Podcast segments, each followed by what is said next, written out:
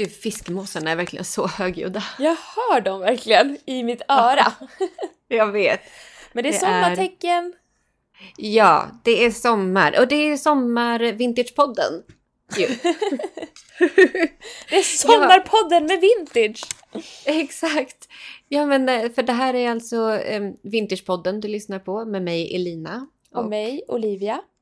Och vi snackar ju mode, personlig stil och trender utifrån ett vintageperspektiv. Exakt. Och eh, det här är ju ett eh, avsnitt som är, alltså en sommarspecial. Det här är ett avsnitt som vi har plockat ur vårt eget arkiv som vi känner är värd en liten omlyssning. Ja, verkligen värd en andra lyssning. Och det här är ju inte vilket avsnitt som helst. Det här, är det här ett av våra populäraste avsnitt tro? Ja, det är det. Och det är väl kanske också det som vi blev frågade nästan mest om också. Alltså Ja. hur, hur gör ni när ni daterar vintage? Hur kan man se att någonting faktiskt är vintage? Mm. Mm. Ja. Och det här, än en gång, vi är ju proffs på det här. Självutnämnda dateringsproffs. Ja, men vi har ju hållit på med vintage länge och vi driver ju också en vintage shop, vintagesphere.se, dygnet runt. Ja. Där vi kurerar ja, men vintage, minst 20 år och eh, utifrån dagens trender. Ja.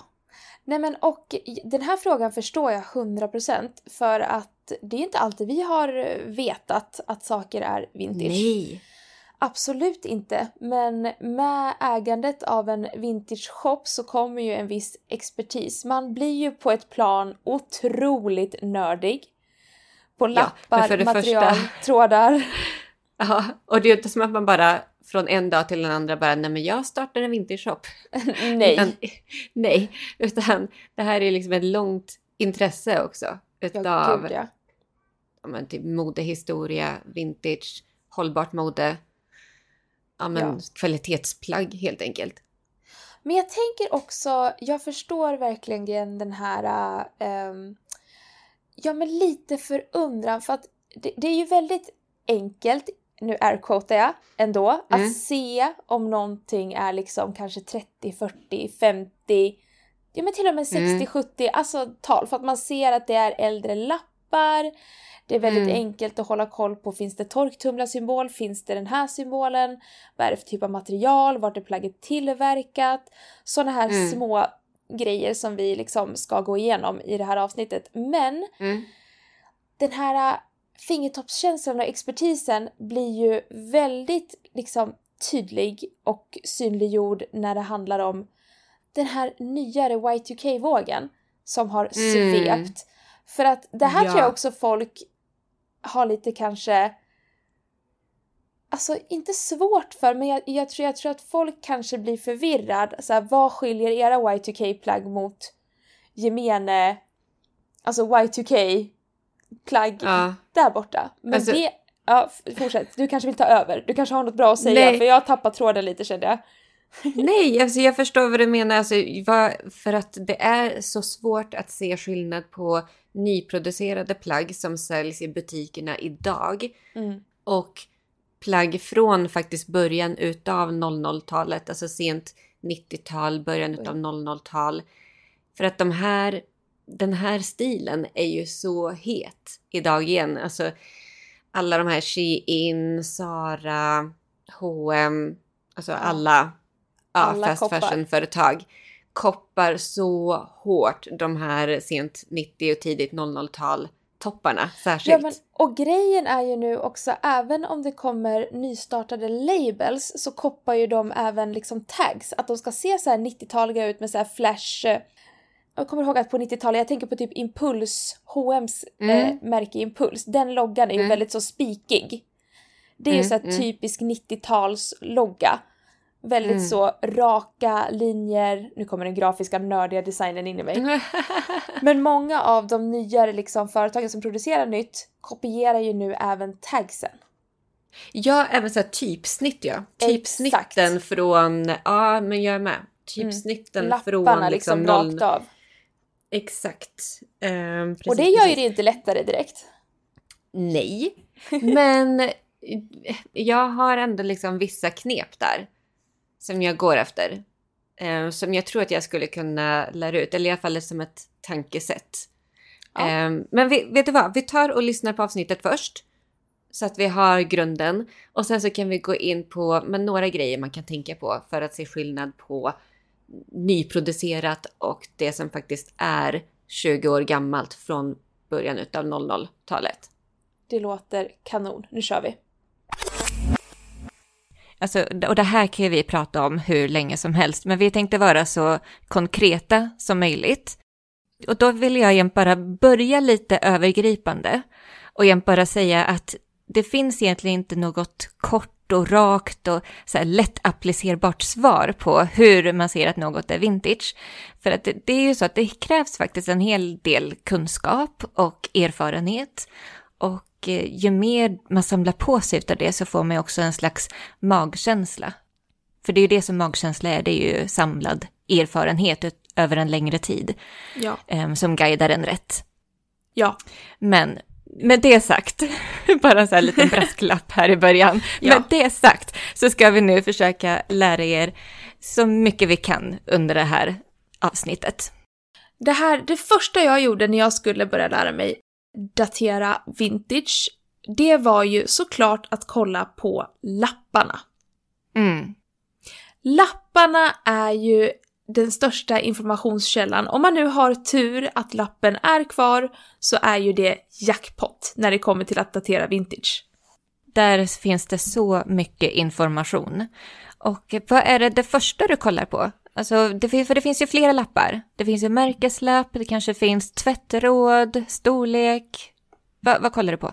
Men gud, nu har jag fått en sån där sån övergripande, eh, så att nu verkligen tar jag in allt och merchar samman och gör en konkret bedömning. Men det jag började med från början, början, jag kollade alltid på märket och sen så körde jag typ en sök. En mm. googling eller en Google bildsök på lappen. Mm. För att i början visste ju inte jag, ja men de här små hacksen som jag nu vet, till exempel om att, ja men det här att skötselråd och tvätterådslapparna kom inte förrän 1971. Mm. Bra tumregel. Sådana saker visste inte jag då, så då var det ju liksom bara att man fick kolla på ja, men vad märk, vilket märke det var och försöka googla sig fram till något konkret resultat. Jättebra, men du, säger det där igen. Vad var det som inte kom innan förrän 71? Bara så att folk hängde med på det. Skötselråd, alltså tvättlappen, mm. den här lilla lappen med skötselråd, den kom 1971. Så att där har man ju verkligen en konkret vägvisare. Att har du ett plagg som har en sån här eh, skötselrådslapp så är den efter 1971. Det är ju sån här jättebra fingervisningsgrej. Och en annan sån vad gäller lappar, det är också storleksmärkningen på lappen. För att har det en storleksmärkning på sig så är den förmodligen senare än 58. Då, för det var först 1958 som de första standardiserade storlekarna började komma i Sverige. Och eh, torktumlarsymbolen? Jajamän, torktumlarsymbolen på tvättrådslappen, den dök upp först på 1980-talet. Jag har inte exakta året, men på 80-talet började den dyka upp. Alltså man känner sig som en sån detektiv, det är så här, torktumlare fanns inte, eller var inte liksom vanligt först på 80-talet, så att eh, torktumlarsymbolen kom på 80 alltså det är så kul. Jag älskar sånt där, det är lite så här klädkluedo på något sätt. ja, ja men, men mer info som man kan få på lappar, det är också tillverkningsland. Och då kan det ju vara så här, ja men finns det här landet nu? Eller när, när fanns det här landet ens en gång? Typ West Germany har jag råkat ut för, eller råkat ut för med dra, drabbats av West Germany.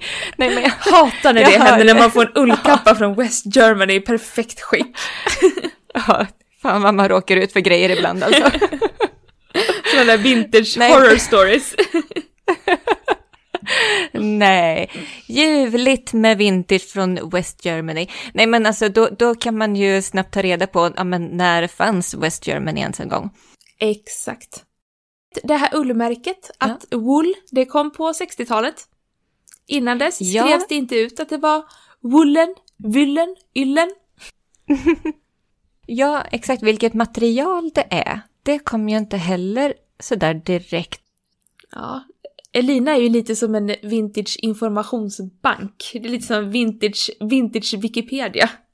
Ja, men någon gång på 60-talet skulle jag säga att man började mer och mer skriva dit vad det är för material på plagget. För att innan dess så var det ju mycket, alltså men det fanns inte så många olika syntetiska material för det första. Det mesta var ju liksom naturmaterial, bomull, linne, Mm. eh, rayon också för den delen. Det är ju syntetiskt på, på sätt och vis, men inte, inte i polyester och akryl. Nej. ehm, aktigt så. Men ehm, ja, så på 60-talet där så började man även märka ut vad det är för material. Och det var väl så också som man kom på att aha, man behöver kanske ett tvättråd också till de här olika konstiga ma- materialen som börjar komma upp på Kan marknaden. vara bra, kan vara bra. Mm. Ingen visste, alla visste materialet, ingen visste hur man tvättade det. Men sen så är det ju det här med själva typsnittet på lappen också kan ju vara en liten rolig indikation Mm. på vilket år. Jag tänker framförallt på 70-talet var det väldigt vanligt med så här bulliga typsnitt, så här runda former, dekorativa lappar. Mm. 80-talet var det mer zigzag, det skulle se vasst ut, edgy, blixtigt. Ja. David Bowie, lite så. ja. Det här är inte alltid en stupsäker indikation eftersom, ja men, designers har ju haft olika lappar och liksom så. Men eh, det kan vara med typsnitt och sånt att det är ganska tidstypiskt. Som sagt, inte alltid, men kan hända. Så det är ändå en ganska Ja. eh, bra tumregel att ändå ha lite koll på sin typografi när man vintage... Mm. Eh, vad forskar? Nej, vintage... Daterar Jaktar. Vintage. Jaktar. Vi hittar på helt egna ord nu också. Men vintage-fynd där för God's sake. Ja, tack. Bra. Vintagejaktar. ah, nu har jaktsäsongen börjat på vinters, vet du. Ja, Ja. Jämt och ständigt. Slutar aldrig. Ehm, ja, jättebra. Och sen så även liksom the overall vibe utav märket. För att som du säger, det var ju mycket mer designigt och mer, alltså man la mycket kärlek och design ner i märkeslappen förr i tiden. Idag så ska den ju vara så clean och liksom rak på sak som möjligt. Ja. Det ska ju inte vara några krusiduller någonting nästan från ja, men, 2000-talet och framåt. Men Nej. på 90-talet, alltså det var blombroderier, det var små ramar och krusiduller och Mm. vackra ja, mönster runt om. Ja. Ah. Ja. Men man blir, jag blir så himla glad, du vet när man köper världens finaste vintageplagg och så kollar man dessutom inuti och så är lappen lika fin. Ja, Ja, så typiskt vintage med helhetskonceptet så. Mm, verkligen. Okej, men det känns som att vi har en väldigt eh, rikssträckande eh, eh, lapp, eh, eller heltäckande, vad jag ska använda svåra ord idag. Rikssträckande lapp, nej nej, nu börjar jag om. Nu känns det som att vi har gjort en ganska bra lappinventering, orientering. Ja. Jättebra. Lapporientering, yes, I'm down. You're Det kör down. vi på. Ja. Vad går vi vidare till? Ja, men okej, när vi är inne på sådana här små detaljer så Ja. kan vi gå in också på sömmarna. Ja. Man ska alltid ta sig en titt innanför plagget och kolla in innersömmarna. Och då kan ju ett, ett riktmärke vara, är det, är det använt overlock? Är det zigzag? Är det inte, alltså är det helt råa kanter? Mm. Hur ser innersömmarna ut egentligen? Är kanterna helt råa, då är plagget förmodligen äldre än så här 50-tal. Sen så kunde man se så på 50-talet att innersömmarna, de kanske inte var, eh, kanterna kanske var råa, men att man hade klippt dem som zigzag. Så att inte tyget skulle liksom fransa upp sig. Ja. Och overlock, då ser man ju att det verkligen är så här maskinsytt, väldigt prydligt och, och tätt så, så att det inte ska, alltså alla moderna plagg idag har ju overlock, så det kan man ju kolla på vilket plagg som helst, hur det ser ut. Ja. De första overlock-maskinerna kanske kom på 60-talet. Mer då? Har vi någon mer eh, söm... Hur ser man att det är handsytt? Hur ska man tänka där? Jo, men handsytt, det kan ju vara väldigt prydliga små stygn, men man ser ju ändå att det är lite, lite ojämnt. Jag tyckte det här var jättesvårt, alltså när jag skulle börja datera vintage så, att se Alltså jag, jag själv är ju ingen sån som syr och jag tror säkert det finns många moderna kvinnor som jag som inte är så high på det här med sömnad. Så att eh, det kan ändå vara skönt att ha en liten indikation på hur handsydda stygn ser ut. Och det är ju som du säger, man ser ju, det är lite, vad ska man säga, lite skevare på något sätt. Ja, men det är inte helt sådär, alltså man tänker en maskin, den har ju exakt indaterat hur den ska sy i stygnen. Precision. Men för hand är det klart att det blir, det har ju en precision ja, som inte går att mäta sig riktigt. Men för hand då blir det ju lite, lite ojämnare. Men man ska, alltså de här kvinnorna förr, de la ner så mycket kärlek och tid på de här plaggen oh, så ja. det, det, kan vara svårt. Alltså, de var jätteduktiga och sydde prydliga små stygn. Men alltså framför allt på ställen där det kanske var svårt att sy med symaskin. Man, kanske, man hade förmodligen symaskin hemma, men just det, den, det området eller den detaljen är svår att sy med symaskin, så då tog man till nål och tråd för hand. Och eh, sen har vi ju det här med dragkedjor, knappar, mm. sådana saker. Det är också väldigt bra indikationer på vilket årtionde ett plagg tillhör. Precis, vart är dragkedjan placerad, brukar jag tänka. Mm. För att, och, och, finns det en dragkedja ens en gång? För att Exakt. dragkedjorna dök inte upp förrän på 20-30-talet och ifall de då fanns där så skulle de vara så gömda som möjligt så att då satte man dem i sidan utav plagget och ganska kort liksom så. Det skulle ändå vara krångligt för kvinnan att ta av och ta på sig kläderna. Ja. För annars var det ju för vulgärt. att bara kunna slänga av sig kläderna får man inte hålla på med. Och sådana här i, eh, jag läste någonstans att på 30 och 40-talet så var det korta, korta dragkedjor som var bak i nacken. Alltså center mm. zippers korta. Och det är också ja. samma sak här, eh, lite otympligt. Och säkert inte jätteskönt. Kan tänka dig de här strama, hårda materialen och så dragkedja, det är inte jättenice. Nej, nej. Nej, precis.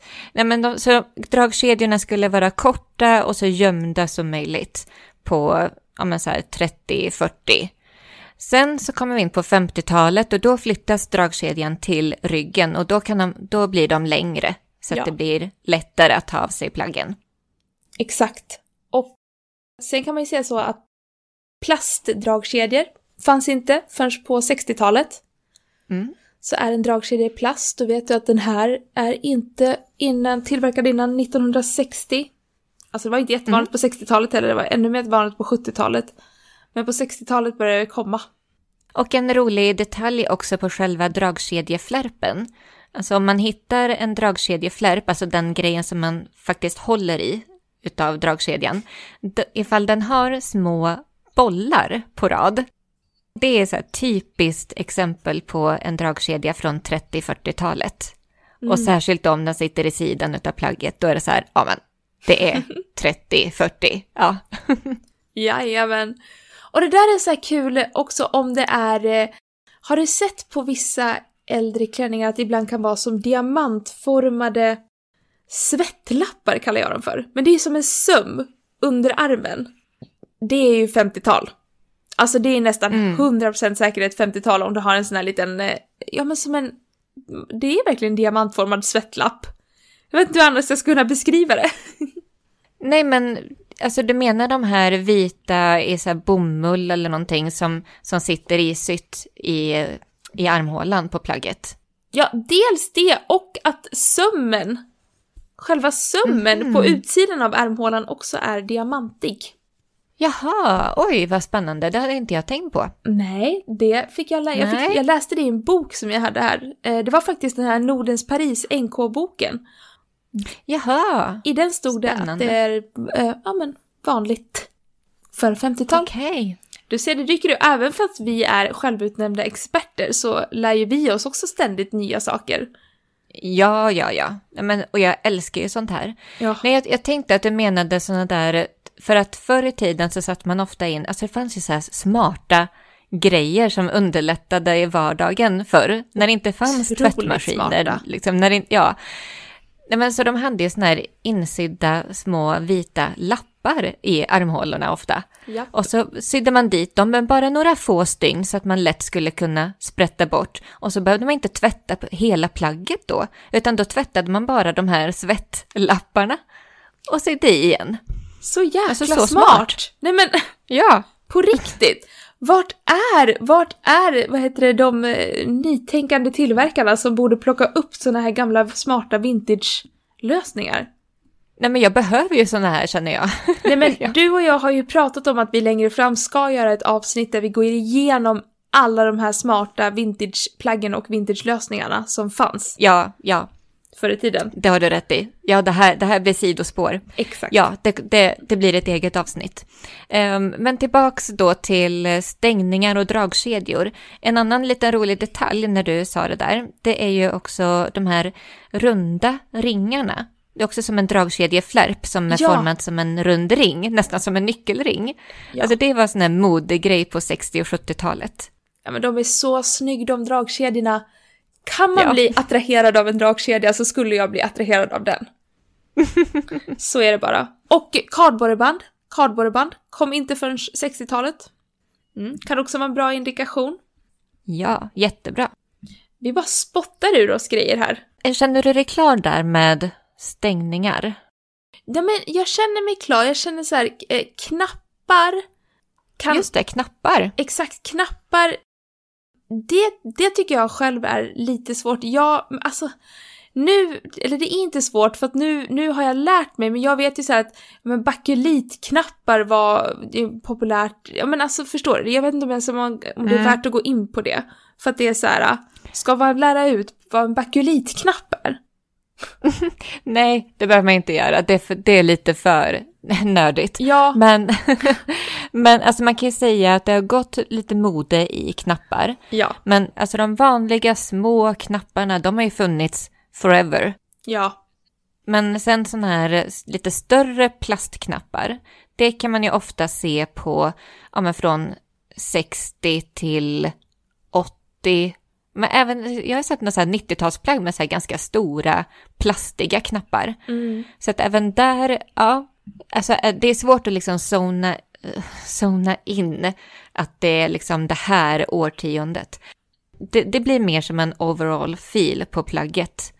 Så man Exakt. kanske lär sig lite mer så magkänsla och plus då alla de andra detaljerna. Exakt, det är, man- lite, det är lite matte det här med vintage, att man får ta knapp plus silhuett plus eh, den här Mm. dragkedjan plus det här bältet och göra någon slags ekvation och räkna ut vilket årtionde det kan komma ifrån. Men det sa ju du i Ja. början, det är ingen lätt Vi önskar att vi bara hade så här, här ser du, det här är 20, 30, 45, men det är ju inte så lätt, tyvärr. Nej, precis. Men en annan grej som jag kom på också att alltså ofta förr så la man som sagt mycket kärlek och tid i sina kläder. Alltså äldre plagg från kanske 40 och bakåt, de har ju så här, de har ju knappar som är nästan handgjorda, typ så här som sidentrådar nästan formade till en liten bollknapp. Ja, Eller, eh, eller med klädda knappar var ju men väldigt exakt, fint. att man klädde dem i samma eh, ja, men tyg som klänningen är gjord i. Ja, och det är såklart någonting som man gör än idag, men det är ändå vanligare förr att, den, att man liksom la ner sig och gjorde den detaljen ändå. Ja men exakt. Sen så finns det lite modeknappar också nu när jag tänker efter. Typ jag har, eh, no- jag har sett några kavajer och några blusar så från 80-talet med riktigt glammiga, stora knappar. Så Mm. 80-90, du vet. Ja. Lite Versace, Chanel-viben liksom. Älskar. Med så här en jättestor pärla och guld och du vet. Ja. Japp, japp. Vad har vi kvar nu? um, Silhuett. Silhuetten Ja. på kläderna. Det är bra ifall man kan sin modehistoria lite grann. Mm. Om man bara liksom vet på ett ungefär att man har ett hum om vilka silhuetter som var moderna under 1900-talet. Då har man ju, alltså då kan man börja någonstans i alla fall Ja. och se. Är det, är det mer, är det mer 50, att det är liksom väldigt markerad liten midja? Eller är det mer så här utstående bort från kroppen, liksom rakt så, då är det mer 60-tal. Mm. Och eh, ja men markerade axlar, stora axlar och getingmidja, men då är vi på 80-tal slash 90 sådär. Ja. Så att om man ändå kan sina silhuetter lite grann, hur de har förändrats modemässigt under 1900-talet, då det är ju egentligen där jag skulle börja. Mm. För det tycker jag är också väldigt kul. Jag tycker också det är väldigt det- kul. ja, men att få en liksom allmän generell kunskap kring hur modet faktiskt har förändrats i kapp med samhället. Ja. Ja, det är jättekul. Ja, men sen så finns det ju faktiskt årtionden som plockar årtionden från förr. Alltså även vintage. Ja. Vi, är ju, vi är ju på, det här kallar jag dubbel vintage. Till exempel på 80-talet var det ju väldigt populärt med drop waist och det är ju en direkt flört med 20-talets flappermode. Där det också var väldigt Ja. mycket drop waist. Och även 40-talet hade Även en hel del drop 40-talet. waist. Mm. Och här är det ju än en gång att man får ta resten av komponenterna, till exempel vart är dragkedjan? Vad är Mm. det för eh, ja, men tygmaterial? Finns det tvättråd? Finns det lappar? Och göra en Mm. ekvation. Precis. Jag dyker på, äh, dyker på, jag stöter på mycket så här som jag kallar 90s does 60s. Ja, För att eh, på 90-talet så, så tog man jättemycket inspiration från 60 och 70-talet. Och då är det också att titta på ja, själva utformningen och lapparna. mm. Så för att veta ifall det är 60, 70 eller om det är 90. Du nämnde ju det också, material är ju jättebra att hålla lite koll på. ja. Att veta att från alltså, ja, men 60 och så tidigare, då var det ju mycket, alltså man säger till början av 60, sent 50 och bakåt. Då var det ju i princip bara naturmaterial. Jag tror Mm. jag kanske nämnde det förut. Sen på 60-talet, då blir det vanligare och vanligare med de här syntetiska materialen. Polyester. Polyestern, ja. Akryl och polyester, de kom på 50-talet, men då ska man komma ihåg att de, de uppfanns då. Mm. Sen så tar det lite tid för att det ska användas och mer och mer användas. Så på 60-talet då blir ju polyester, akryl, treacetat, ja men lyckra och all, all, alla de här. Men det var ju samma som eh, nylon. Nylon uppfanns ju för fasen på typ 30-40-talet. Men då var det bara till strumpbyxor. Det började inte användas i kläder förrän Mm. efter andra världskriget. Nej, precis. Så att eh, bara för att material kom ett år så som sagt så tar det ju några år för att det ska fastna. För att man ska Ja. veta hur, man, hur man jobbar med det överhuvudtaget. Jäklar! Vilka bra dateringsknep. Ja, men det, och det är ju det här fortfarande som vi går efter. Ja, gud ja, gud ja. Vi har väl också, har vi vår guide kvar? Ja, vi har våran guide kvar. Ja, men då så den bra. finns kvar. Ja, ja, ja. Gå in på 10tips.vintagesphere.se för att hämta din guide för att det är fortfarande ja, men, några av de bästa dateringstipsen som eh, vi, vi kan ge. Nej men verkligen. Det är ju som en handbibel för att gå och Ja. Exakt. Okej, men som vi sa där i början då. Hur kan man se skillnad på de här nyproduktionen, de nyproducerade plaggen idag som kopierar stilen från tidigt 00-tal? Alltså jag har ju, jag har, jag har en som jag har som en sån här bombsäker. Ja, kul. Nej men här, den här tror jag är, den här har vi pratat om, det är ju baguetteväskorna.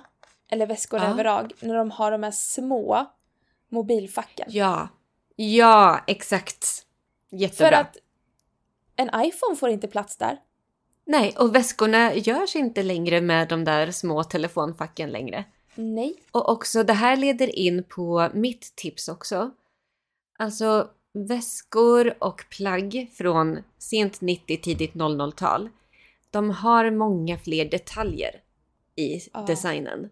Mm. Alltså mycket mer små designelement som kan kännas lite onödiga eller så här. det- det blir lite Overworked tum- typ. Ja, overworked! Jag är verkligen så här. Man bara, det här är, det behövs inte. De har typ lagt till tre grejer till som inte behövs. Men eh, för att det var mycket extra liksom, ja, men, små detaljer, typ pärlbroderier, patchwork, Mm. embellishments, strass, paljetter. Alltså det var väldigt mycket extra extra utav allting. Och de här elementen har man plockat bort nu. Och Mm. min teori är varför man har gjort det är för att det ska liksom vara så streamlinat och enkelt som möjligt för att kunna massproducera i den här extrema farten som görs just nu. Du bara Scandi, simple Scandi is not a thing. It's, it's, a, it's, a, it's a lazy craftsmanship. That's what it is. det- Nej men du förstår att liksom man ser att ja men okej själva modellen, själva linjerna är inspirerat utav 00-talet. Ja. Men själva Nej men jag är med. Ja. designelementen liksom det har man plockat bort för att förenkla. Mm. Ehm, och det är ju det som är modernt just idag. Jag tror att många tycker att det här overworked, alltså more is more-grejen som var sent 90, tidigt 00-tal, att många kanske tycker att det är daterat så. Mm. Att det vi kanske man inte vill ha längre. Men jag tycker snarare tvärtom alltså. Ja, Jag med. Men det är, men det är ju, det är ju, det är ju Alltså, vi det. När det kommer till väskor då är det fullt ös medvetslös som gäller. Annars har man ingenting i, Ja. väsksver- eller i väskvärlden att göra känner jag. Nej, men också typ ja, men, toppar och blusar och så här. Alltså, och jag tror att det gör en comeback för att det har varit så himla cleant Mm. och streamlinat och enkla designs Mm. så länge nu i och med fast fashion.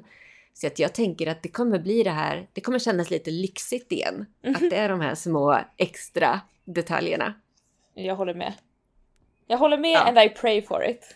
Ja. ja. Okej, en till grej som jag har tänkt på är att jag blir alltid extra glad när jag ser att det är tillverkat i Europa. Ja men såklart, Alltså- såklart. Ja. Italien, Frankrike, UK, Portugal. Ja. Säkert kort, säkert kort. Mm. Och då är det ju även så här att jag vet att H&M har ju varit i extremt mycket blåsväder nu när vi spelar in det här. Men H&M. Mm. made in the UK, totally different story. Ja. Vill du bara put that in there. En till grej som eh, jag drar öronen åt mig när jag ser. Mm. Och det är de här tvättrådslapparna som är typ som en bok. Ja. Ja. Om du vet när det är liksom, är det, är det mer än en lapp med tvättråd? Alltså, it's too much. It's Det, too much, det ska liksom, ja. Okej om det står så här på framsidan och baksidan utav en lapp. Men börjar det bli så här två, tre, fyra, alltså nu är det ju hur många lappar som helst på de här jäkla plaggen. Då är det ny produktion. Så är det bara. That's it. Så är det bara. Så är det bara. Ja. Ja. ja men så. Det var väl ett bra tillägg. Jättebra tillägg. Kanon. Och eh, om du känner att, ja men gud, jag älskar ju Y2K fashion och jag vill verkligen ha the real deal, de här äkta guldklimparna från Shakira, Britney, Glory Days-eran, då ska du ju spana in vår webbshop vintagesphere.se för där har vi kurerat det här till dig och det är äkta vintage som är minst 20 år gammalt. Mm. In på hemsidan nu. Så hörs vi igen. Ja, vi kommer ju såklart med ett bonusavsnitt. Ja. Men eh, ja, så hörs vi också nästa vecka. Det gör vi. Ha det så fint. Hej då! Ja, hej då!